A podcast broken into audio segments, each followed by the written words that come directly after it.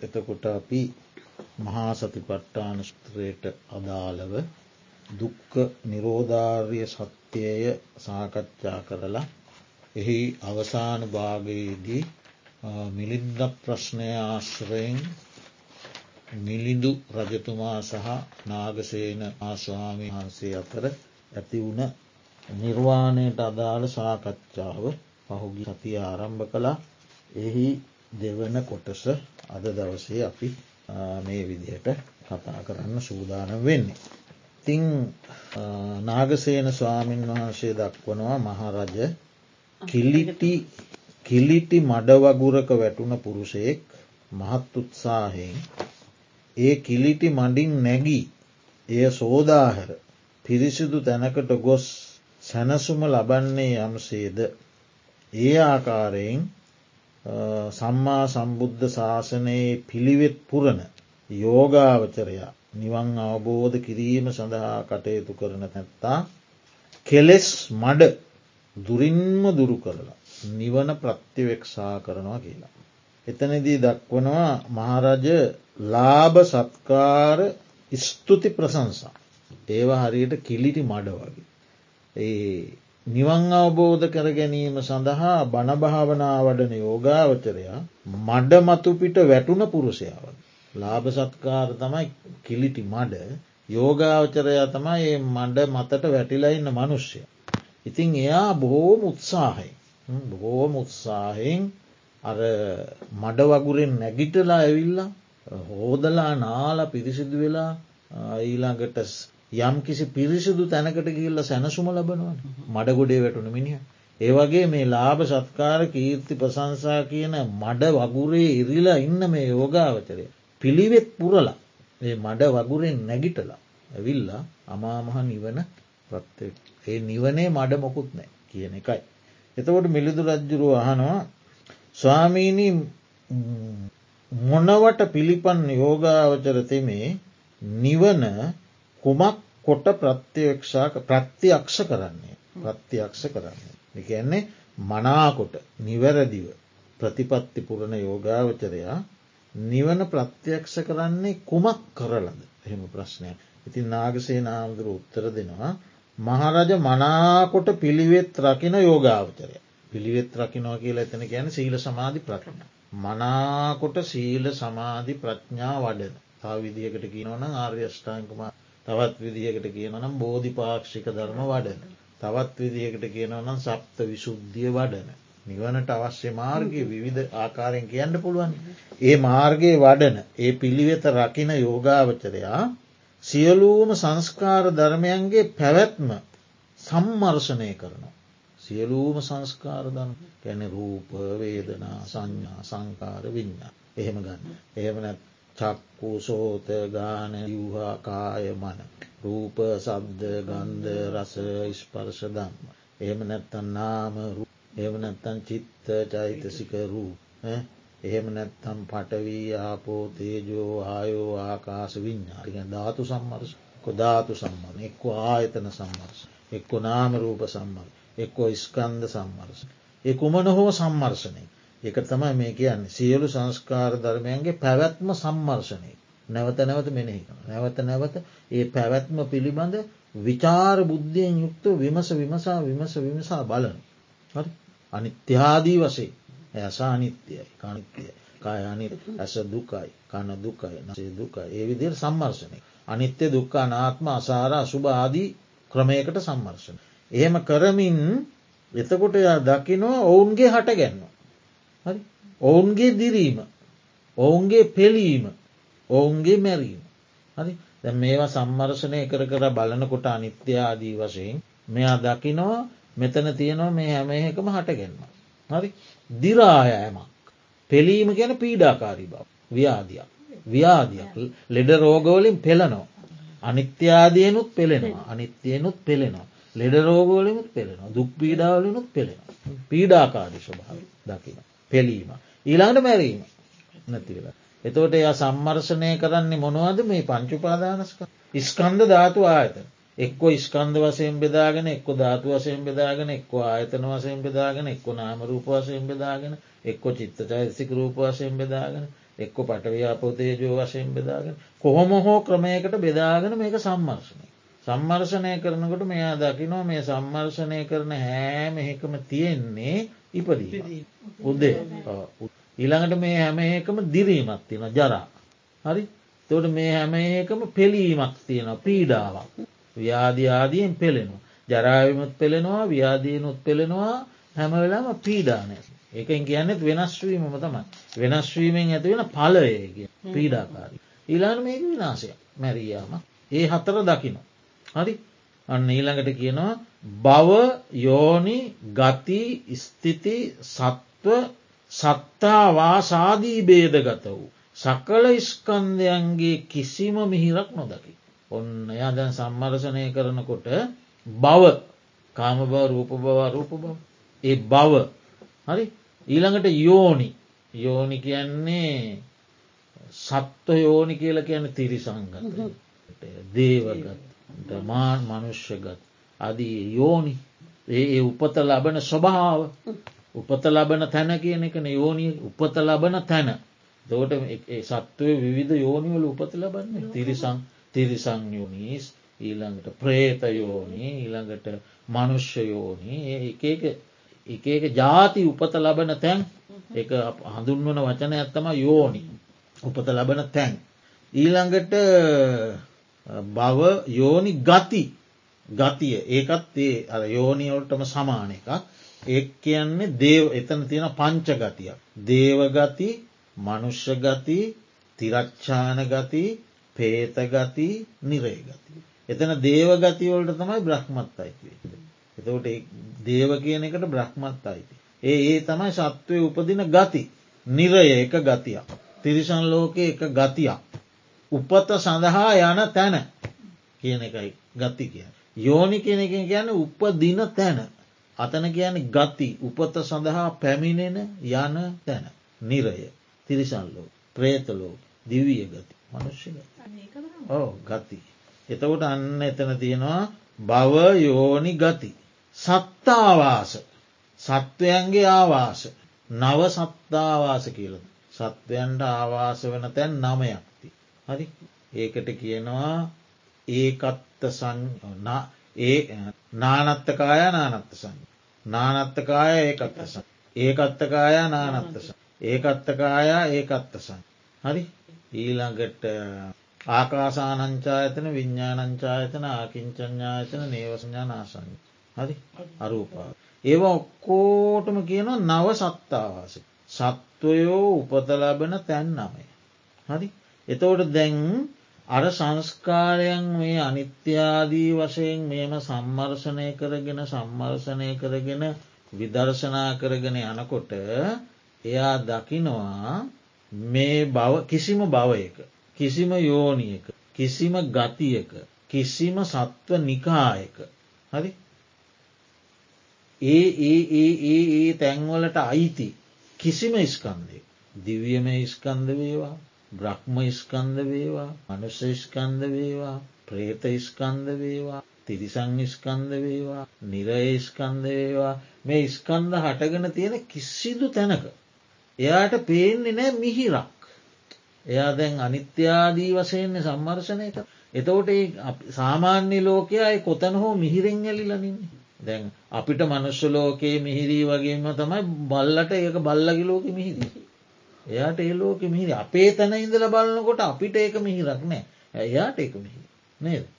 එතකොට දැම් මේ ස්කන්දයෝ අනිත්‍යාදී වශයෙන් සම්මර්හසනය කරනකොට ඒ යෝගාවචරය දකිනවා මෙක්ෂිම තැනක කිසිම ගතියක කිසිම යෝනියක සිතින සත්තාවාස මිහිරක් නෑ. එයාට පේනෙ අමිහිරක්ම. ඇයි එයා දකින්නේම උපතක් දිරාපත්වීමක් පෙළීමක් සහමරණය. එතකට කොහෙ දෑ මිහිරත්තිය. එයාට මිහිරක් වෙන්නේ. එහි මුල මැද අග යන කිසි තැනකත්. නිත්‍යය සැපයයි ගතයුතු කිසිවක් නොදැක්. එයාර ඉහත කියපු කිසිම ගතියක කිසිම යෝනියක සිතිම සත්තාවාසයක මුලවත් මැදවත් අගවත් කිසිම තැනක. නිත්‍ය නිත්‍ය සැපය කියල ගණ්ඩ පුළුවන් කිසිවත් දකින්න. එයට පේන්නේ. මහරජ දවස මුළුල්ලෙහි ගිනියම් කළ ගිනිදැල් සහිත වූ. යගුලෙහි මුල මැද අග කිසි තැනක. අතින් ගතයුතු තැනක් යම්සේ නොදකීද. දවසකුත් රාත්‍රයක් ගිනිදල් කරපු ඒ කියන්නේ ගින්නෙන් දවන ලද තවන ලද දවසකුත් රාත්‍රිය. තවන ලද යකඩ බඳුනක.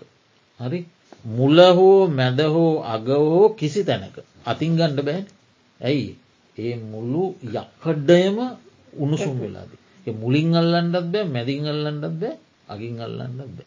මහරජ එසේ සංස්කාර ධර්මයන්ගේ පැවැත්ම සම්මර්ශනය කරන්නේ කරන යෝගාවචරයා. ඒ යට ගැනීම දිරීම පෙළීම මැරීම දකි. කිසි මිහිරක් නොදකි. මුල්ල මැද අග කිසි තැනක නිත්‍යය සැපයයි ගතයුතු කිසිවක් නොදකි. එයාට පෙන්න අපිට පෙන්. එයා දකින්න හැම තැනම අමිහිරි ස්වභාවය. එසේ නොදක්නා වූ ඔහුගේ සිත්හි සසර කලකිරීම පහළවන්නේ. හරි නිත්‍ය සැප සුභ වසයෙන් නෙමෙයි දැනදක් එහෙම දකින්නේ. නිත්‍ය වසයෙන් දකින්න සැප වසයෙන් දකින්න සුභ වසයෙන් දකින්න. එහෙම දකිින් නැති වෙනකොට එයාගේ සිතේ ඇති වෙන්නමකන් සසර පිළිබඳ කලකිරීම. අන්න පහළ වෙන. සිරුරෙහි දහ නැගෙන්නේය.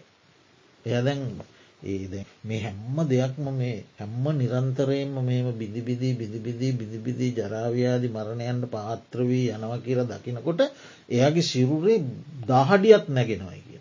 නිබ්බිදාවක්න එතන බය තියෙන මේ මෙහෙම දෙයක් නේද මම මේ අල්ලගෙන ඉන්නේ මේ හැම්ම මොහොතේම මේ අනිත්‍යවිවී අනිත්‍යවී පෙළපෙලා පෙළපෙලා යන දෙයක් තමයි මම මේ තෘෂ්ණා බරිතෝ මේ මේකට මේ බැඳිලා ඉන්න කියලා දකිනකොට එයාට දහඩිය නැගෙන. බයක් දැනෙන.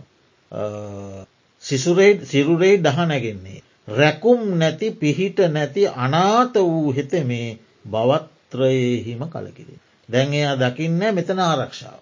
රැකීමක් නෑ මෙත. මෙය එයා දැම් මෙතන පිහිටත් දකින්නේ. මම මගේ කියලා පිහිටක් මෙතන නෑ. මෙතන ආරක්ෂාවකුත් නෑ. හරිද දැම් මෙතන තියෙන අනාත ස්වභාවය. අනාතයි. මට නෑ කිසිම පිහිටක් එයා දකින්න අපි දැක්කට එයාට පේනෑ. හෙත මේ බවත් රෙහෙහි කලකිර. එක බව ඒකන මේ බව තුනේම කලකිර. කාම බව රූප බව අරූප බව කොතැන ගියත් මේ සෙල්ලම තමයි. කියලා ඇය බවත්‍රහහි කලකිර. මහරජ පුරුෂයෙක් තෙමේ. දැල්වෙන ගිනිදැල් ඇති මහත් ගිනි රසක් කරා පැමිණියේ. එහි රැකුම් බැලුම් නැත්තේ. අනාත වූයේ කලකිරෙන්නේ යම්සේ නම් මේ යෝගාවචර තෙමේද එපරිද්දෙන් සසර කලකිරෙන්නේය. දැල්වෙන ගිනි දැල් ඇති මහත් ගිනි දැල් නගින මහත් ගිනි රසක් කරා පැමිණෙන මනුස්සේ. එතන රැකවරණයක් නෑ. එතන පිහිටකුත් නෑ. එතන ආරක්ෂාවකුත් නෑ. මෙතන තියෙන මහා ගිනි ගොඩා එයට මොකුත් මෙතන පේනෑ සන්තුෂ්ටයට කාරණය අන්නේ වගේ කලකිරනොයි කියන. තවද ඔහු දැලෙහි බැඳුණු මසකුසේ තැලට බැඳිලා ඉන්න මාළුවෙකුට කිසිම පිළිසරණක් නෑ. අන්න එය සසර දකිින් නෙමයි. දැලෙහි බැඳුණු මසකුසේ. සප් මුවපත් මැඩියෙකුසේ. සර්පයකුගේ මුවට අහවුන මැඩියෙකුට. සරණක් නෑ එක ඒ බියක්මනි දකිින් බියක්මයි තැතිගැන්මක් මයිතිය ඒ වගේ. මැදිරියක ලූ වන පක්ෂියකුසේ. කූඩුවකට දාලා ඉන්න පක්ෂී මේ පැත්තට ගියත් කූඩු මෙහට ගියත් කුඩු මේට ගියත් උඩට නගින්නක්ද කොතනින්වත් එයාට එලියට යන්න එයා දැන් දකින්නේ මං මෙතෙන්ට අහු වෙලා මේ මේකින් මට දැන් ගැලවෙන්ඩෝ මේ සසරට බැඳිලා ඉන්නේ. මැදිරියකළු වන පක්ෂයකුසේ. ගරුන්ඩ මුවපත් නායකුසේ. ගරුන්ඩෙකුගේ මුවට අහුන නයෙක් වගේ. රාහු මුවපත් සඳුසේ. හඳ රාහු ගිලිනවා කියලක. චන්ද්‍ර මොකක්ද පිටේ චන්දග්‍රහණි රාහුට අහුවන හඳක් වගේ. සංස්කාරයන් කෙරෙන් තැති ගන්නවා. අන්න ඒ අවස්ථාවල ඒ ගරුඩාගේ මුව ඉන්න නයා තැති ගන්නවා වගේ ඊළඟට කූඩුවකට හවුන කුරුල්ලෙක් තැති ගන්නවා වගේ ගැරඩියකුගේ මුවට හවුන මැඩියෙක් තැති ගන්නවා වගේ මේ යෝගාවචර තැති ගන්නවා දැන් එයට දාඩියක් දානෝ තැති ගන්නවා. සංස්කාරයන්ගේ පැවැත්මෙහි මෙසේ බියදක්නා සුළු ඔහුට මෙබොඳු සිතක් උපදී දැම් මේ කියන බයතු පට්ටානඥාකට කියන් දැම් බය තියෙන්නේ. දැන් ඔහුට මෙන්න මෙහෙම සිතක් උපදින. මොකක්ද මේ ජාතිහෙහි පැවැත්ම රාගාදී ගිනිවලින් රත්ව ගිය. රාගාදී ගිනිවලින් ඇවිල ගත්තේ දැම් එක ඇවිලිලා තියෙන්. එල්ලොව මෙලොව දෙක්කි විඳිය යුතු වූ බොහෝ දුක් ඇත්තේ. දැඩි සිත්තවුල් ඇත්තේ. ඉදින් කිසිවෙක් ජාතියෙහි නොපවැත්ම ලැබුවේ නම් හේම නිවුණේ. දැ මෙතන ඉන්නවා කියලා කියන්නේ අතීතයට දැනට මේ දැවිලි තැවිලිවලින් නිදහස්වීමක් මෙතන තියෙන්නේ රත්වීමක්මයි. ජාතියෙන් රත් වෙලා ජරාවෙන් රත් වෙනවා ව්‍යාදීෙන් රත් වෙනවා මරණයෙන් රත් වෙනවා රාගාදීගෙනවලින් රත්වීමක් මෙතන තියෙන්නේ. එතකොට එලෝ මෙලව දෙකේම මේ නිසා බොහෝ දුක්විඳට මේ ජීවිතයත් විඳින්ට වෙනවා මතු පැවත්මක් වුණුත් එතෙන්දිට වෙනවා. මේ සිත්තැවුල්වල කෙලවරකුත් නෑ. ඉතින් යම් කිසි කෙනෙ මේ පැවැත්ම නතර කළෝ. මේ පැවැත්ම කෙලවර කළොත්. මේ ජාතිය කෙලවර කළොත්. එයාම තමයි නිවුණ කෙ. එයාම තමයි මේ දුකින් මිදුම්. එයාම තමයි මේ සිත්තැවුල් නැති. එයාම තමයි මේ සසර බැඳුම් සිඳදාපු කෙනා. කියලා ඔන්න දැන් දකින. ජාතියේ නොපැවැත්ම නම් සියලු සංස්කාර ධර්මයන්ගේ සංසිද්ධීම. සියලූම උපදීන්ගේ දුරු කිරීම. තෘෂ්ණාව නැසීමයි. සංස්කාරයන් කරේ ඇලීම නැති කරලද නොඇලීමයි. මාර්ගයෙන් මාර්ගඥානයෙන් මේ කෙලෙස් මුළුමනින්ම උපදින එක නිරුද්ධ කරද. කෙලෙස් ඉපදීම නිරුද්ධ කර දැමී. තෘෂ්ණාවෙන් මුළුමනින්ම වෙන්වීම. නිවීයාමයි. මේ හැර මට වෙනත් කිසිදු පිහිටක් නෑ කියලා ඔහු සිතන්න ගන්න. එහෙම සිතත් සිතත්ම ඔහුගේ සිත මා විසින් බව නිස්සරණ ලදැයි ජාතිය පිළිබඳ නොපවැත්මෙහි වැටි.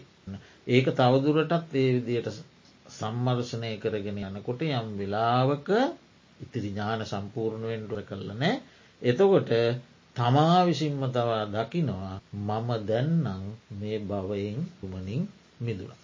හරි ඉපදීම පිළිබඳව නොපැවැත්මට මම වැටුණ. අය මගේ ඉපදීමේ පැවැත්මක් නෑ. අන්න එයින් නොහු තුටුවේ දැන් හු සතුටුවෙනවා පහදින. ඒ නිර්වාණය පිළිබඳව පහදින. මෙසේ සංස්කාර පවෘතිහේ බියදක්නා වූ හෝගේ සිත සංස්කාරයන්ගේ ඒ නොපවැත්මෙහිම නැවත නැවත තුටුවේ පහදී තවතවත් ඉදිරියට යයි නිස්සරණය පින වීර්ය කෙරෙයි සිහිය පිහිටවයි මෙසේ නැවත නැවතත් සිත්ති කරන්න වූ සංස්කාරයන්ගේ නොපැවැත්ම පිණිස වැරවඩන්නා වූ හෙතෙම ආර්ය මාර්ගඥානය ලබා සංස්කාර පවෘතිය ඉක්මවා ගොස් සංස්කාරයන්ගේ නොපැවැත්ම නම් ලද රහත් පලයට පැමිණෙන්නේ. අන්න. එතකොට දැන් එතන තවතිය නොදැන් ඔයි භායතු පට්ටාන ඥානය ගැන තමයි ගොඩක් කිව්වේ එතනින් පස්සේ ආදීනව මුංචිතුකම්මිතා මිදෙනු කැමැත්ත ඒ විදි අපි ඕව සාකච්ඡා කරලා තියෙනවා නිස්සර ඒ ඒ විදර්ශනාඥාන පිළිවෙලින් ගිහිල්ලා ඊට පස්සේ මෙයා මේ සියලූම සංස්කාරයන්ගේ පැවැත්ම නිරෝධ කරලද. නොපවැත්ම සාක්ෂාත් කර. නිර්වාණය ශාක්ෂාත් කරනවා කියලා ඉතිං මේ නාගසේන ස්වාමීන් වහන්සේ පැහැදිලි කරලා දෙනවා. එතවට මිළුදු රජ්ජුරු වහනවා මැනවි මැනවි පින්වතුන් වහන්ස. ඉතා මැනවි. ඔබවහන්සේගේ වචනය අදහමි. නිවන නිවනැයි ඔබ කිවූ නිවන ඇත්තේමය. පිළිගත යුතුද.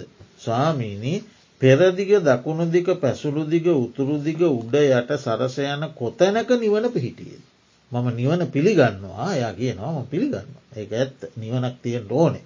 ඒක තියෙන්නේ කොහෙද. මොකක්දක ප්‍රදේශයේ නිවන පිහිටි ප්‍රදේශයක් තිබේද. උත්තරේ නාගසේනහා. මහරජ පෙරදිග හෝ දකුණු දිග හෝ පැසුළු දිග හෝ උතුරු දිග හෝ උඩ හෝ අහසෙහි හෝ පොළොවයට හෝ සරස හෝ අනික් ලෝදාහි කොතැනක හෝ නිවන පිහිටි තැනක් නැත්තේ. එතකොට ඔන්න මිලිසු රජ්ජුරුව. ස්වාමීනී නිවන පිහිටි තැනක් නැත්තේ නම්. එයින්ම නිවනක් නැත්තේ. හරි පිහිටි තැනන්න නැත්තයි කොහෙ කොහොමොකක්දේ ඒනම් නිවනන්න නෑ. යන නිශ්චයට බැසගන්නට සිදුවන්. පිහිටි තැනක් නැත්දං නිවනක් නැත්තේ යන නිශ්චයට තමයි පැමිණෙන්ට තියෙන්. දෙවි මිනිස් කෙනෙකුන් විසින් නිවන ප්‍රත්‍යක්ෂ කරන ලදයි.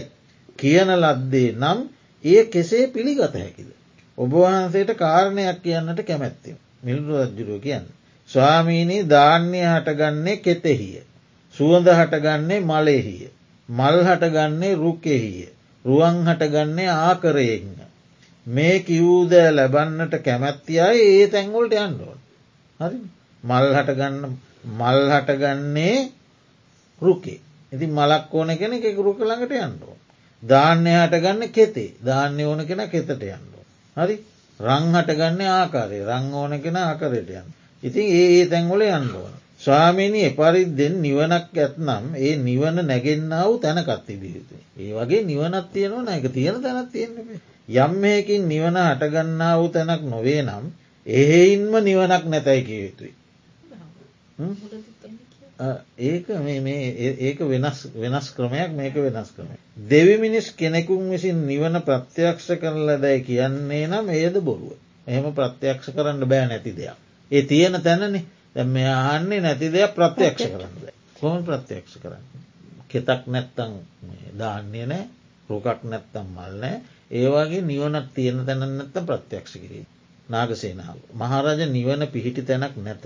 එහෙත් නිවන ඇත්තේ. මනාකොට පිළිවෙත්පුර යෝගාවචරය යෝනිසෝ මනසිකාරයෙන් නිවන ප්‍රත්‍යක්ෂ කරන්නේ. මහරජ ලෝකයේ ගින්න තිබේ. එහෙත් ගින්න තිබෙන තැනක් නැත. දරකඩ දෙකක් එකට ගැටූ කල්ලි ගින්න උපදනේ. හරි එපරිද්දෙන් මහරජ නිවන තිබේ. එහෙත් පිහිටි තැනක් නැත්තේ. මහරද ශක්විති රජහට සප්තවිධ රත්නයක් ඇත්තේ. එහෙත් ඒ පිහිටි තැනක් නැත. දසවැදෑරුම් සක්විතිවත් පිරීමෙන් මනාකොට පිළිපන්න වූ වෙතට ප්‍රතිපත්ති බලයෙන් ඒ ළඟාවන්නේ. එපරිද්දෙන් නිවන ඇත්තේය. එහෙත් නිවන පිහිටි තැනක් නැත. මනාකොට පිළිපන් යෝගාවචරයාට ප්‍රතිපත්ති බලයෙන් ඒ ලැබෙන්නේ. ස්වාමීණී නිවන පිහිටි තැනක් නොවේවා. ඒ සැබෑව. යෝගාවචරයා යම් තැනක සිට නිවන ප්‍රත්‍යක්ෂ කරන්නේ. එබඳු තැනක් තිබේ. හොඳ ඒක පිළිගන්නවා යෝගාවචරය නිවන ප්‍රත්‍යක්ෂ කරනවනගේ ප්‍රත්‍යක්ෂ කරන තැනත්ති. එසේ මහර. යෝගාවච්චරයා යම් තැනක සිට නිවන ප්‍රත්‍යක්ෂ කෙරේ නම් එබඳු තැනක් ඇත. ස්වාමිනි ඒ තැන කවරේ. මහරජ ඒ සීලය ස්ථානය. සීලයෙහි පිහිටි යෝගාවචර. නුවනින් සිද්ධි කරනුවේ.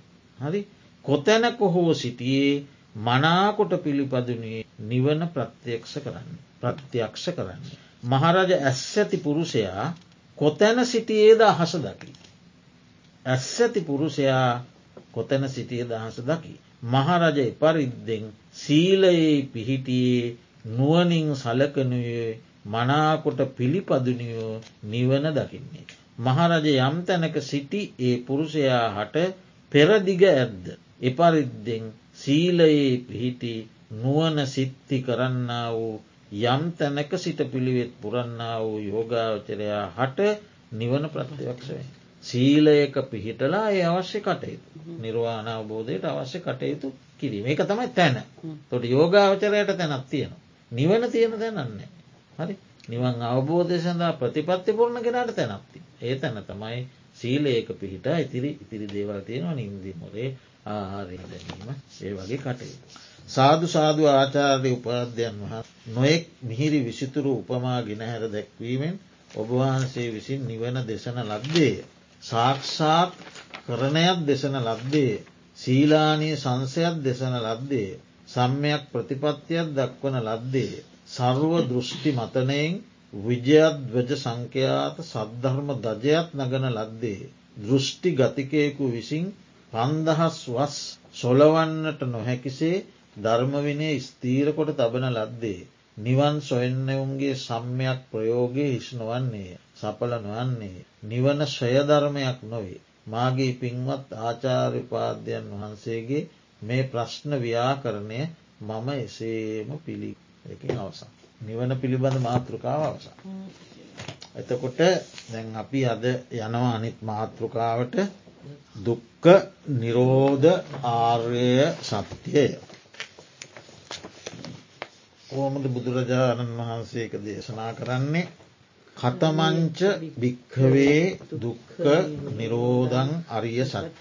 අයමේව අරියෝ එවනේ දුක්ක නිරෝධ ගාමිණී පටිපදා අරිය සච්චා. අයමේව අරියෝ අට්ටංගිකෝ මක්ගෝ. සෙయ్య තීදම්. සම්මාදිට්ටි සම්මා සංකප්පෝ සම්මාවාචා සම්මාකම්මන්තෝ සම්මා ආජීවෝ සම්මාවායෝමෝ සම්මා සති සම්මා සම සම්මා සම ඒ තමා දුක්ක නිරෝධ ගාමිණී පටිපදා ආර්ය සත්‍යය පිළිබඳව බුදුරජාණන් වහන්සේ ගෙනහැර දැක්වූ මූලික දහම් පාට. එහි අදහස මහනෙන දුක් නිරෝධ ගාමිණී පටිපදා ආර්ය සත්‍යය යනු කවරේද. යම් මේ යම් මේ ආර්ය අෂ්ඨාංක මාර්ගයක් වේද. ඒ ආර්ය අෂ්ඨාංක මාර්ගය. කුමන ආර්ය අෂ්ඨාංක මාර්ගය. සම්මාධිට්ටි සම්මා සංකප්ප සම්මාචා සම්මාකම්මත සම්මාජීව සම්මාවායාම සම්මා සති සම්මා සමාධී. මෙය මහනෙන දුක්ක නිරෝධ ගාමිණී පටිපදා ආර්ය ශක්ති. තෝට මේ උගන්නන්න මොකක්ද අපිට හොඳට පලපුරුදු ආර්ය අෂ්ඨාංගික අංග අටකින් යුක්ත වූ ආර්ය මාර්ග. මේ තමයි දුක්ක නිරෝධය ශාක්ෂාත් කිරීම නැත්තං නිවන ශාක්ෂාත් කිරීම නිර්වාණය ප්‍රත්‍යක්ෂ කිරීම සඳහා වැඩිය යුතු මාර්ගය එක ආර්ය මාර්ගය. ඉතිං දුක් සංසඳවීම දුක් සංසිඳවීමට පමුණුවන ප්‍රතිපදාව. දුක් සංසිඳවීමට පමුණුවන ප්‍රතිපදාව. ඒ තව විදිහකින් කිව්වොත් ඒ දුක් සංසඳවීමට පමුණුවන ප්‍රතිපදාව හැම ආකාරයකින්ම ප්‍රකට කරවන. ප්‍රඥාව මුල් කරගත්ත මාර්ගයක්. දුක් සංසිඳවීමට පමුණුවන ප්‍රතිපද.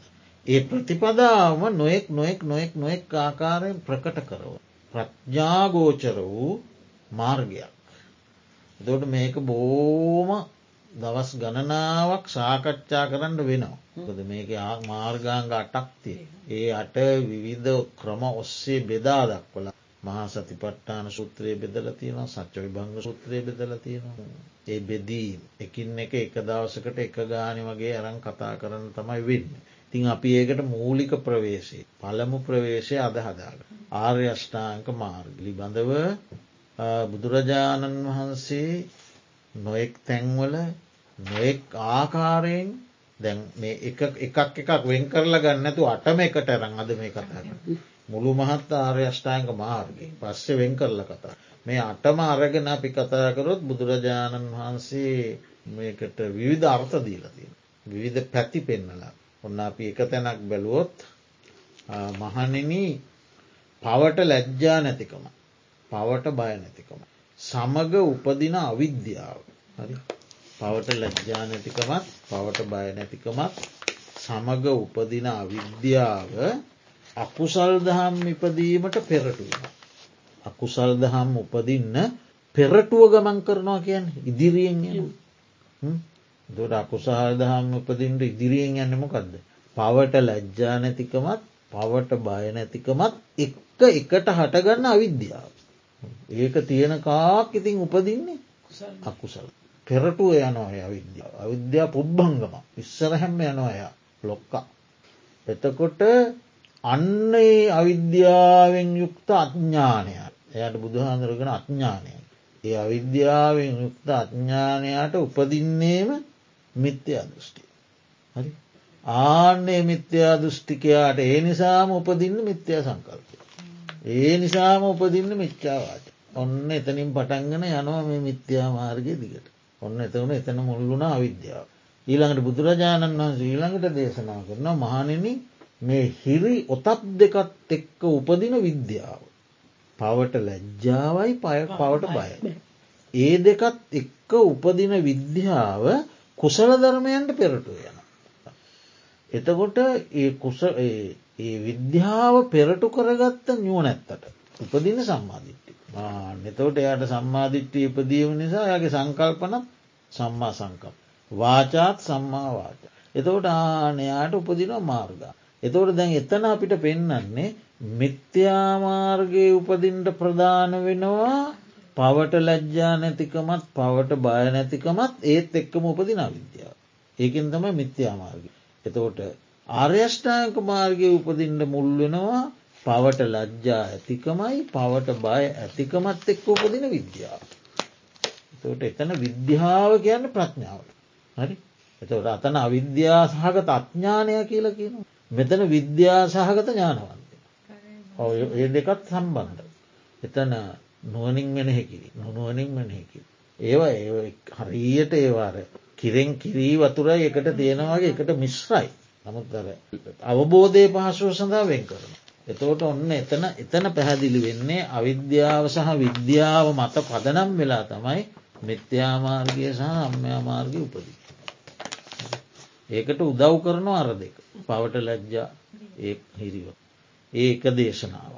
ඊළඟට බුදුරජාණන් වහන්සේ දේශනා කරනවා ඔන්න ආනන්ද ස්වාමීන් වහන්සේ බුදුරජාණන් වහන්සේ දිරිය ප්‍රකාශ කරනවා ස්වාමීණී භාග්‍යවතුන් වහන්ස කල්්‍යයාන මිත්‍රයන් ඇති බව.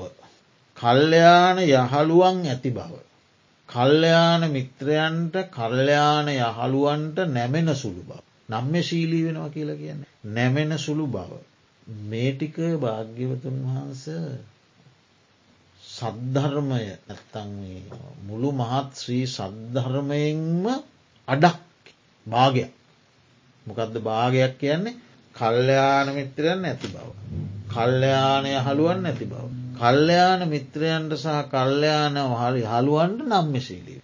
මේක මේ බ්‍රහ්මචාරී ජීවිතයෙන් මේ ශාසන ජීවිතය හරි අඩක් භාගයක්. බුදුහාන්දුරුව දේශනරනවා දෙහෙම කියන්නපා.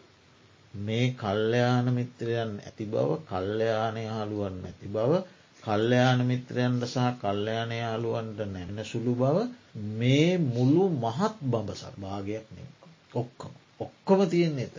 ආනන්දය ඒ කල්්‍යයාන මිත්‍රයන් ඇති කල්්‍යයාන යහළුවන් ඇති කල්්‍යයාන මිත්‍රයන්ට කල්්‍යයානි අහළුවන්ට නම්ම ශීලී වෙන නැමෙනසුළු පුද්ගලයා අරි අටඟි මග වඩන්නේ යන්න කැමැතිවී.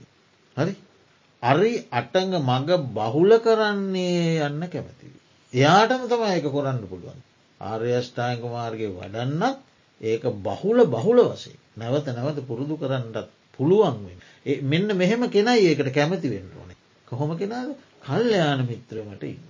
කල්්‍යයානය හලුවමට මම කල්්‍යයාන මිත්‍රයන්ට කල්්‍යයානු හලුවන්ට නැ. අන්න එයා කැමති වෙන්ඩලු මම ආර්යෂ්ඨාංගමා මම ආර්යෂ්ඨාංගමා කැමති වෙන්ඩලු. ඊළඟට හනවා කොහොම දානන්ද. ආනන්ද කොහොමදේ කල්්‍යයාන මිත්‍රයන් ඇතිකෙන ඊට නැමුණ කෙනා ඒ කල්්‍යයාන මිත්‍රත්වය තුළ පිහිටලා ආර්යෂ්ඨමාර්ග වඩන්නේ. ආනන්දය යම් කෙනෙක් ඒ කලන මිතුරා ඇසුරු කරන. ඔහුට නැමෙමින් විවේකයේ ඇසුරුකොට විරාගේ ඇසුරුකොට නිරෝධය ඇසුරුකොට නිවනට නැමෙන සුළුව. හරි සම්මාධිට්්‍යය වඩන්නේ. තොට සම්මාධිට්්‍යය වඩන්න මොනව දෝන විවේකය එක්කෝට මිස්සල්ලා ඕන කල්ලයන්නේ එයාගින් ඉගෙන ගන්න. එයාගේ අදහසට නැමෙන්ඩුව. ඒක මාන්‍යයෙන් ප්‍රතික්ෂේප නොක එයා වඩල පලපුරුදු කෙනෙක්න එයාගේ අවවාද ඉගෙනගෙන ඒකට නම්මශීලී වෙලා ඒක පැදකුණු කොට ඉගෙනගෙන එක බොහොම ගෞරවයෙන් අහගෙන එහෙම නේවාහගන්න වහගෙන එක ප්‍රදක්ෂිනා කරලා ඒ අවවාද එකසේ පිළි අරගෙන ඊට පස්සේ අන්නයා පටගන්නවා ආර්යශ මාර්ගය වඩන්න. මොකක්ද වඩන්ඩ ඕන කරන්න විවේකය විරාගය නොයල්ම. නිරෝධය. එකන දුකින් නිදහස්වීමේ නොයල්ම. ඒ යන්නේ පංචකාම සම්පත්තීන් කෙරෙහි තියෙන ඇල්ම. ඒක ඒක ඒක ආදීනව දකිින් ඕන. ඉතින් ගිහි ජීවිතයක් ගත කරන කොටත් ඒ වගේ මුල්ලු මනින් ඇල්ම දුරු කරන්න බෑනි. නමුත් යම්යම් අවස්ථාවල එයා මම ආර්යෂ්ඨායක මාර්ගය වන කෙනෙක්. ඒ ගිහි ජීවිතයක් වඩන කෙනාටත් තියෙනවා. එයාට තියෙන මාවත තමා පංචකාම සම්පත්තයා පරිහරණය එක. හැබැයි එයා පරිහරණය කරන්න එක ආදීනව දැනගෙන. මේව මට අත්හැරලදාල අන්ඩ වෙනවා කියෙන අවබෝධය මත ඉදිමි. ඒකන බුදුහාසුර එක දේශ ඒක ගිහි ජීවිතයටත් අයිති පැවිදි ජීවිතයට. වතකොට ගිහි ජීවිතයක් ගත කරන පංචකාම සම්පත් විදින කෙනා අගතිතෝ අමිච්චිතෝ ආදීනව දස්සාවී අනජ්‍යාපන්නෝ නිස්සරණ පඥෝ පරිපුෘති. ඒව පරිභෝග කරනවා නැත්තං ගිහි ජීවිතය පවත්තන්න බෑ හැබැයි ඒව තෘෂ්ණාවෙන් ගැටගහිලනෙවේ. මෝහයෙන් අන්ද වෙලා මුලා වෙලා නෙවේ. ඒ කියන්නේ අපිට ධනය වනාහි නිෂ්ඨාවක් නොයි. නිෂ්ඨාවන් සාධනය කර ගැනීම සඳහා උපකාරවන එක එක ක්‍රමයක්.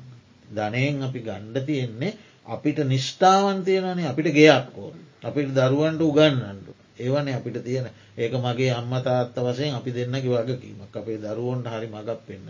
අපේ දරුවන්ට ගෙයක් දොරක් ඕන අපි මැරලම් පසෑර ජීව නුන්ඩ අවස්සේ මගක් පෙන්නලා තියන්න. ඒවන අපේ නිෂ්ඨාව ධනයින් එතකොට ඒ අපි ධනය හම්බ කරන්නේ නිෂ්ඨාවන් සාධනය කරගන්න. හරි. ධනය ධනය සඳහා නොවේ. ධනය අපේ ප්‍රයෝජන සලසා ගැනීම සඳ. ධනය ධනය සඳහාම වුණොත් තමයි ලෝක අමාරුවක මිනිසු ඇටේ. එතකොට තමයි මිනිසාට පරිසරයම අනිකාගේ බඩගින්න මංම අනිකාගේ දාඩිය හූරගෙන නේදමෙන්නේ ධනය ධනය සඳහාම පිරිය. එනිසා ධනය අපේ අවශ්‍යතාස. අන්නේ සංකල්පයත් එක්ක එයා ගැටගහෙන්නේ. එය පැවැත්ම සඳහා හම්බ කරන. නැත්තන් පවතින්න බෑ. එදෝට ඒක තමයි බුදු හාන්දුරුව ගැන අගති ගැටගහෙන්නේ. අමුච්චිතෝ මුලා වෙන්නේ. අනජ්‍යාපන්නු ඒකට බැසගන්න නෑ ගැන එක ඉරෙන්නේ නෑ. ලාභ සත්කාර කියන මඩ වගුරේ ඉරිලා නැකිට ගන්න බැරු එහෙම එරෙන්නේ. හරිද. අමුච්චි අනජ්‍යාප. ඊළඟට ආදීනව දස්. ඒවගේ ආදීනවයක් තියෙනවා. ආදීනව තම අනිච්චා විපරිනාම දම්ම. හරි ඒවා වෙනස් වෙනවා තිබූ තත්ත්වයෙන් වෙනත් තත්ත්වයකට පරිනාමය වෙනවා අන්‍යතහා භාවි. ස්වභාවයන් වෙනස් විය. හරි අන්‍ය ස්වභාවයන්ට පත්. ඒව තම එක තියෙන ආදීනව. මේගේ දොර ඉඩ කඩයි යානවාන ඔක්කෝගෙම ඔය ආදීනව තියෙන. මේට අවුරුදු විශ්සකටරදි තිබ්බ කාරකටත් මගේ ඇලීමක් තිබ්බන මගේ ඔවු ඒවත් ජන්න පුළුව. ඒවා මේ ආදීනව කියන එක තුළ තියෙන. ඒ වචනයට ඒ ඔක්කොම අයිති.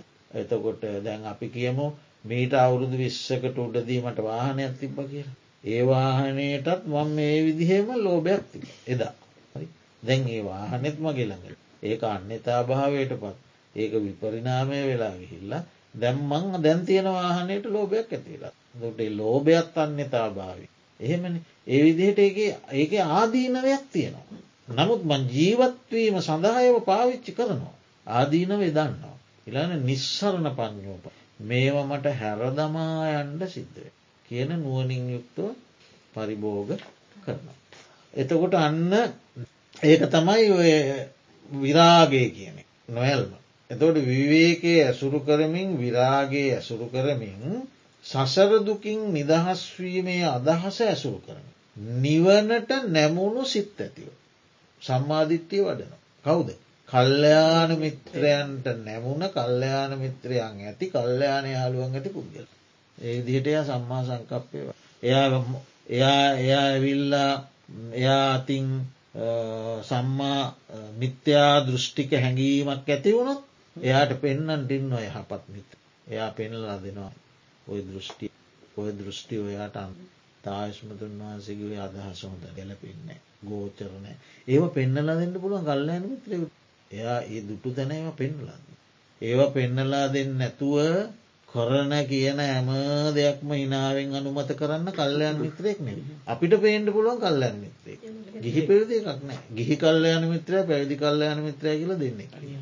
කල්ලයාන මිත්‍රයෝ ඉන්නවා ගිහි සමාධ පැවිදි කල්ලයාන මිත්‍රයත්තින්නේ කල්ලාන්න කරන කියන කතා කරන හැම හොඳයි නරකයි දෙකම අනුමත කරන්න අනුක්්‍රිය බානය ඒක බුදුහාන්දුරුව කියන මිත්‍ර ප්‍රතිරූප අනුප්පිය බානී කියල කියන්නේ හොඳ දේටත් නහ වරදක් කරාම වරද පෙන්නලා දෙන්නෙත්න තරහවේ කියලා එකටත් හොඳයි.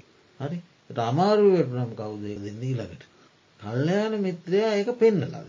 හැබැයි අපේ හිත්වල කල්්‍යයාන මිත්‍රත්වයට නැමුණේ නැතිකම තියෙනන. අපි කල්්‍යයාන මිත්‍රත්වයට අපේ හිත්තාවම නැමිල නැති නිසා අපිට සමහරට වරද පෙන්නලා දෙන කල්්‍යයාන මිත්‍ර හතුරෙක් විදිර පෙන්න්න පුලො. හැයි අපි අපි ඒක අපේ අඩුව. අපිට සමහරවිට වරදයේදීත් අපේ වරදට අනුබල දෙන කෙනා හොඳ මිත්‍රයෙක් විදිහට පේවා. ඒ අපේ අපේ ප්‍රඥාව තියෙන දුරුලක. වරදත් අනුමත කරන කෙනා හොඳ මිත්‍රයෙක් විදිහට අපිට වෙන්න. වරද පෙන්නා දෙන කල්්‍යයාන මිත්‍රය අපිට පාප මිත්‍රයෙක් වසයෙන් පේන්නපුළ. ඒක අයකාර කල්්‍යයාන මිත්‍රයාගේ අඩුවන්නේ අපේ දර්ශනය අඩු. අපේ අඩුව මෙ මොය මගේ අත්දකීම මගේ අපිටත් සමහර වෙලාවට කල්්‍යයාන මිත්‍රෝ පෙන්ල තියෙන පාප මිත්‍රවේදිය. කරදරයක් දිර කල්්‍යයාන මිත්‍රය ගැනමල කරදරයක් විදිටත් පෙල්ලති සමහර කාලවල. ඒ කල්්‍යයාන මිත්‍රයාගේ වර දන්නෙවේ. අපේ තියෙන පවිටු බව නිසා අපේ සිත්වල තියෙන ඕ කර්මානවා අපේ ප්‍රඥාවදි අපිට යමක් වුවනනෑ අවිද්‍යාව ඒ නිසා එහෙම පේන්නේ. එතකොට අන්න ඒ නිසා අර ඒ විදිහට ඔන්න දැන් ඒ කලන මිතුර ඇසුර තුළින් එයා විවේක නිශ්චිතව විරාග නිශ්චිතව නිරෝධ නිශ්චිතව නිවනට නැමුණු සිත් ඇතිව සම්මාධිට්්‍යය වඩන සම්මා සංකප්පය වඩ නොහොම. ඒ නිසා ආනන්දේ මේක මේ භාගයන්නේ මේක මුළු බම්බ සරමයි. ආනන්දේ කල්්‍යයාන මිත්‍ර වූ මා කරා පැමිණ. ඒ න්‍යායමුත් තේරුම් ගන්න. දැන් ඉස්සල්ලා කියපු න්‍යායමුත් තේරුම් ගන්න. තව න්‍යායක් තියෙන මොකක්ද. ආනන්දය කල්්‍යයාන මිත්‍ර වූ මා කරා පැමි. බොහෝ සත්වයෝ ජාතියමිද. බොහෝ සත්වයෝ ජරාවෙන්. බොහෝ සත්වයෝ යාදි. බොහෝ සත්වයෝ මරණය. බොහෝ සත්වයෝ ශෝක පරිදිරුක්ක දෝමනස්තු උපායාසයන්ගින් මිදුණා. ඒ නිසා ආනන්දය මේ කල්්‍යයාන මිත්‍රත්වය යනු හරි අඩක් නේ මුළු මහත් බඹ සරමයි කියලා බුදුරජාණන් වන්සේ දේශනාව. ඊළඟට තව තැනක දේශනා ආනන්දය මේ ආර්ය අෂ්ඨාංක මාර්ගය යනු බ්‍රහ්මයානයකි. බ්‍රහ්මත්වය ගැන ශ්‍රේෂ්ඨත්වය ශ්‍රේෂ්ඨත්වය කරා යන යානයි බ්‍රහ්මයාන. ඒවගේ ආනන්ද මේ ආර්ය අෂ්ඨායක මාර්ගයේ දම්මයානය දම්ම කියන චතුරාරි සත්‍ය ධර්ම සත්තිස් බෝධිපාක්ෂික ඒවගේ උත්තරීතර ධර්ම ඒ උත්තරීතර ධර්ම ලෝකෝත්තර ධර්ම සෝවාන් සකදාගාමැන් ලෝකෝත්තර ධර්ම ඒ උත්තරීතර ධර්මයන් කරා පුද්ගලයා ගෙන යනු ලබන යානයක්. ශ්‍රේෂ්ඨත්වය කරා පුද්ගලයා ගෙන යනු ලබනයා එනිසා බ්‍රහ්මය. ධර්මය සඳහා පුද්ගලයා ගෙන යනු ලබන යානයක් ඒ නිසා දම්ම යානයක්. අනුත්තර සංගාම විජයක්. සංගාම කියනුක සංග්‍රාමයක් සටනක්. හරිද? දැ මේ ජීවිත සටනක් මේ අපි තියෙන් මොකද ජීවිත සට ක්ලේෂ මාරයත් එක්ක කරන සටනක් හරි? එතකොට ඒ ක්ලේෂ මාරයාත් එක්ක කරන සංග්‍රහාමයේදී. ඒක තමයි ලෝකයේ තියෙන ලොක්කුම සටන. ඒ සටනෙන් ජයගැනීම තමයි ලෝකයේ තියෙන උසස්ම ජයග්‍රහණ. ඒක නිසා ඒකට කියනවා ඒ ජයග්‍රහණයට කියනවා අනුත්තර විජයකි. අනුත්තර විජ. එකන් උසස්ම විජයග්‍රහ. අනිත්‍යයෝ යුද සිබලු වසයෙන් ගිල්ල සටන් කරනයවා ඒවත් ජයග්‍රහණ සම ඒවා ජාතිකරි වැදගත්. රටක රස්තවාදීන් ඒව බොහොම වැදගත් ජාතියක් රටක පැවැත්නොස්. නමුත් ලෝකෙ තියෙන බරපතලම සට මේ ක්ලේෂමාරයත් එක කරන සක් එක තම අනුත්තර. එතවට මේ ආර්ය අෂ්ඨායක මාර්ග අනුත්තර සංගාම විජයක්. ඒ ක්ලේෂ මාර සංග්‍රාමය තුළින් ජයග්‍රහණය ලබාදීමට තියෙන පෙළගස්වපු පෙළගස්වන්ට සුදුසු යුද බටය අටක් මේ කිය. මේ අට සන්නද්ධ වුණොත් හරි මේ අට එකකට එක එකට එකක් පෙළ ගැහිල සන්නද්ධ කිරීමෙන්ම තමයි ක්ලේෂමාරයත් එක් කරන සටනෙන් ජයග්‍රහණය. ඒ නිසා මේක අනුත්තර සංගවිජයක්. ඒ ඒවට කියන නම් තින් එතැන්දී බුදුරජාණන් වහන්සේ එතැන්දිම දේශනා කරනවා ආනන්දය මේ කියන ලද ආර්ය අෂ්ඨාංක මාර්ගයේ. වඩන ලද සම්මාධිට්ටිය බහුල කරන ලද සම්මාධිට්ටිය. රාගය දුරුකිරීමෙහි දවේශය දුරුකිරීමෙහියද. මෝහය දුරුකිරීමෙහියදේ. නිවන ප්‍රත්‍යක්ෂ කිරීම. ආනන්දේ වඩන ලද සම්මා සංකප්පය සමවාචා සම්මාජී සම්මාවායා සති මා සමාධ. බහුල කරනල සම්මාධිට්ටි සංකප්ප සමාවාචා සම්මා සම්මාවායාම සම්මා සත්මයාර්යෂ්ට වඩන ලද බහුල කරන ලද මාර්ගාංග රාගය දුරුකිරි දේශය දුරු මාර මෝහය දුරුකිරී. සකල ක්ලේෂ මාරයන් දුරුකිරී. නිවන ශාක්ෂාත් එනිසා මේක ඒ කාන්ත අනුත්තර සංගාම විජයක්මයි. අනුත්තර සංගාම ඉතින් මේ ඒ විදිහට ගොඩාක් බුදුරජාණන් වහන්සේ පොදුවේ ආර්යෂ්ඨාන පොදුවේ ගත්සු එයින් කීපයක් තමයි තවා අපිට ඉදිරී කරන්න පුළුව ඒම ආර්යෂ්ඨාංග මාර්ග අපි පොදුවේ හඳුනාගන්ව ඉස්සරලා. ඊළඟට අපියන් ඒ ඒක මාර්ග. ඒකෙන් මෙන්න සම්දිිත්තය ගැන මේක. සම්මා සංකප්පය ගැන ඉස්සල්ලා සමස්තය හඳුන. සමස්තය ඊටඟට වෙන් කරන. තින් දැන් දෙකයි එකොළහයි. දෙක හමාට යන්නේන එනම් අපි තවත් බලමු කීපයක්. දැන් බුදුරජාණන් වහන්සේ දේශනා කරනවා මේ ආර්ය අෂ්ඨාංක මාර්ගය වැඩීම සඳහා තව උපකාරක ධර්ම රාසියක්. නිකම්මට වැඩේවා කිවට වැඩෙන ජාති නෙවෙයි. මටත්දාර්ය අෂ්ටාංග මාර්ගය පාර්ථනා කරට වැඩෙන්නේ පාර්ථනා හොඳයි පාර්ථනා කරාට වැඩෙන්නේ. එතුට අපි බලමේ උපකාටක ධර්ම මොනවාද. එකක් කල්්‍යයාන මිත්‍ර ආශ්‍රය කතා කරන්න. ඊළඟට අපිට හම්බෙනවා සීල සම්පන්න බව. ඒඇන සිව් පිරිසිදු සීලය කියලා පීගෙනගෙන තියෙනවා ප්‍රාතිමෝක සීලය ඉන්ද්‍රිය සංසීලය ආජීව පාරිශ සීලය ප්‍රත්‍යය සන්නිස්සිත් ඒකට ගෙන සිව් පිරිසිදු ඒ සිල්වත්කමත් ආර්යෂ්ඨාංක මාර්ගයේ වඩන්නට උපකාරකද. සීලයේ පිහිටා සම්මාධිත්‍යය වඩන කියලා එමයි සූත්‍ර. කල්්‍යයාන් කලන මිත්‍රස් කලන මිතුරන්ට නැඹුරු වූ භික්‍ෂුව සීලයේ පිහිටා සම්මාධිත්‍යය වඩන්නේ. අන්න එතකොට දැන් එතන අංග දෙකයි. මොකද කල්ලයාන මිත්‍රය ඊළඟට සීල සම්පද. තවා පිට හම්බවෙනවා අදහසක් කත්තු කම්්‍යතා කුසලක්යන්ද. ඔන්න එතන දැක්වෙන්නේ කොහොමද කලන මිතුරන් ඇසුරු කරන කලන මිතුරන්ට නැගුරු උන ඊළඟට කල්්‍යයාන මිත්‍රත්වය කලන මිතුරන් ඇති කලන යහළුවන් ඇති කල්්‍යයාන මිත්‍රන්ගේ ආශ්‍රයට නැබුරු උනේ පුද්ගලයා කත්තුකම්මතා කුසලච්චන්දයෙන් යුක්තව සම්මාධිට්ටිය වඩයි. කත්තු කම්මතා කුසලත් ඒමකක් දේ කියන්න. මොකදේ කියන්න. කත්තු මෙතා සලත් කුසල දහම් සම්පාධනය කිරීමේ ඇති කැමැත්. කුසල් දහන් සම්පාධනයක ඇති කැමැත්. හරිද. එතකොට දැන් දැන් ඔන්න කල්්‍යයාන මිත්‍රයාගේ අවවාදනු ශාසන ලබාගෙන එයා එයාගේ හිතෙහි ඇති කරගන්නවා අදහසක් අනේ මමත් මේ කුසල දහම් ටික සම්පාධනය කරගන්නට ඕ. හරි දැ ඉගෙන ගන්නවානේ අර කල්ලයන මිත්‍රයගේ ඉගෙන ගන්න මේක තමයි දුක මේක තමයි දුක්ක සමුදේ මේ තමයි දුක්ක නිරෝධය මේ පටිපදාව ඉගෙනගෙන මේ දුක්ක නිරෝධගාමිනී පටපදාවේ පලවෙනියන් දිට්ටිය ඒ සම්මාධිට්ටිය වැඩෙන්නේ දියට කටයුලොත්තේ කියලා එයාර කල්ලයන මිත්‍රයගේ ඉගෙනගන්න. ඉගෙන ගන්නම එයාගේ හිතේ ඇතිවෙන චන්දයක්. අනේ මටත් මිදිත්තිය වඩන්නති මේ සම්මා සංකප්පය වඩන්න දෙෙනවනම් හොඳ. මේ අනුත්තර සංගාම විජය කියල බුදුහාන්දුර උගන්න මේ සංගාම විජය වඩන්න තියෙනවනම් හොඳයි. මේ ශ්‍රේෂ්ඨත්වයට පමුණුවන යානය කියලා උගන්න මේ යානය වඩන්න තියෙනවනම් හොඳයි. මේ උත්තරීතර ධර්මාවබෝධය කර අපි යොමු කරන ආර්ය අෂ්ඨායංග මාර්ගය නානය වඩන්න තියෙනවනම් හොඳයි. දැම් මොකක් දෙයාගේ හිතේ ඇතිවෙන්නේ චන්දයක්. කත්තු කම්මතා කුසලච්චන්. අන්න ඒකත් උපකාර වෙනවා මේ ආර්යෂ්ඨාංගමාර එතකොට දැන් ඒ කලන යහළුවන් ඇති එහුට ඒ කලන යහළුවාට නැමුණු ඒ පුද්ගලයා අර කත්තුකම්මසා කුසලච්චන්දයම පෙරතරි කර. ඒම මුල් කරගෙන සම්මාධිත්‍යය වඩ.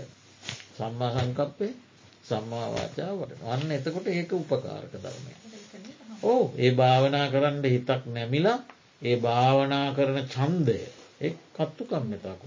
ඒක ඉතින් ඒවා ස්තීරය වනෙවෙයි. ඒවා යම්යම් බාධක ඉදිරිිය කඩාවැටෙන. ආගොඩ ගන්න. ආය ඉතින් මේ ධර්ම දේශනා ආදී අහලා අයේ කඩාවැටන සිත මතු කරගෙන ඉදිරියට ගන්න.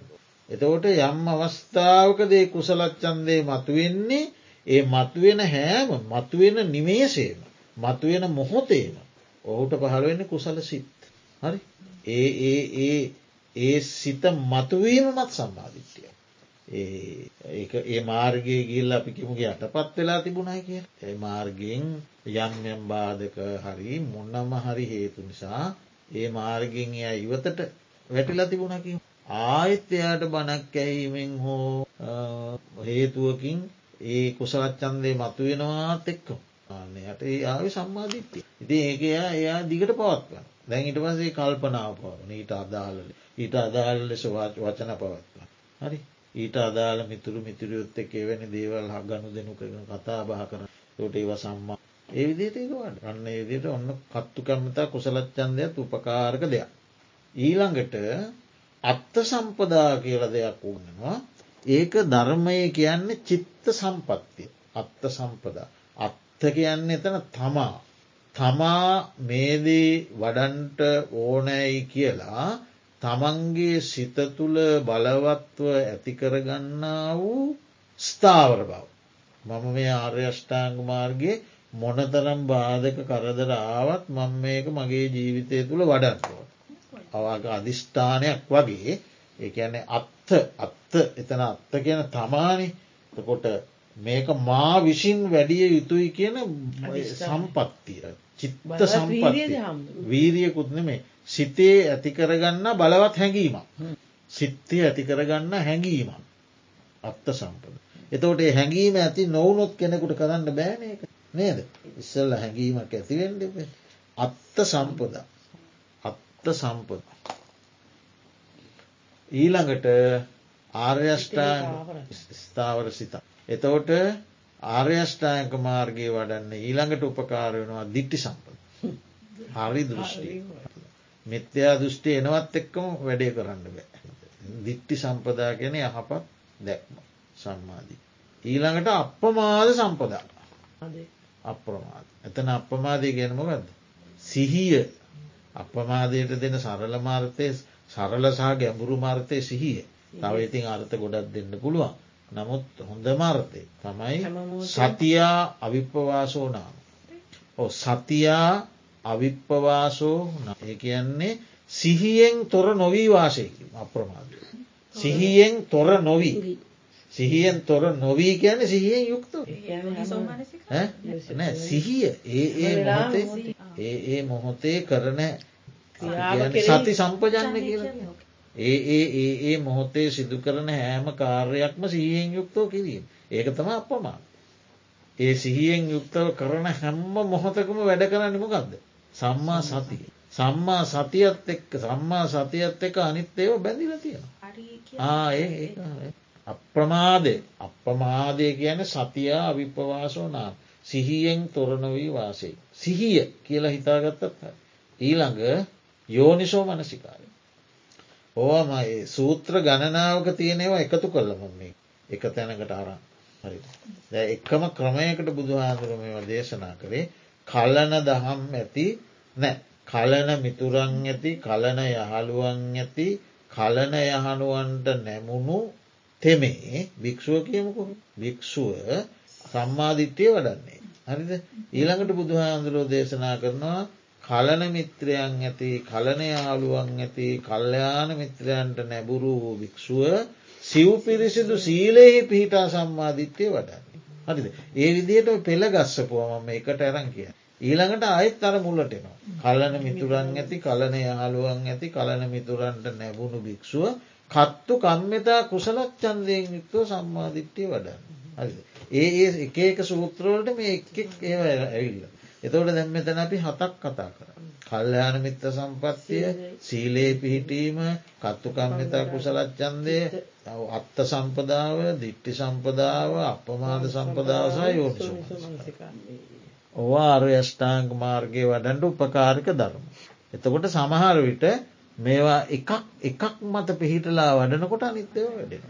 හරි මේ හතම වෙන් කර කර වඩන්ඩ ඕන එහෙම නෙමේ මේක එකක් වැඩුනකොට අනිත්‍යව වැඩෙන්න්නත් ඉර තියෙන. ඉතිං දැන් එතකොට අද දවස්සට එතනින් නිමා කරමු. දැන් දෙකයි විසි තුනයි. එතකොට මේ මාතෘකාම අංග අටට බෙදන්න නැතුව තව දවසක් අපි එකට අරගෙන. එකට අරගෙන තවත් දවසක් කතාගම සූත්‍ර ගොඩත් තියෙනවා.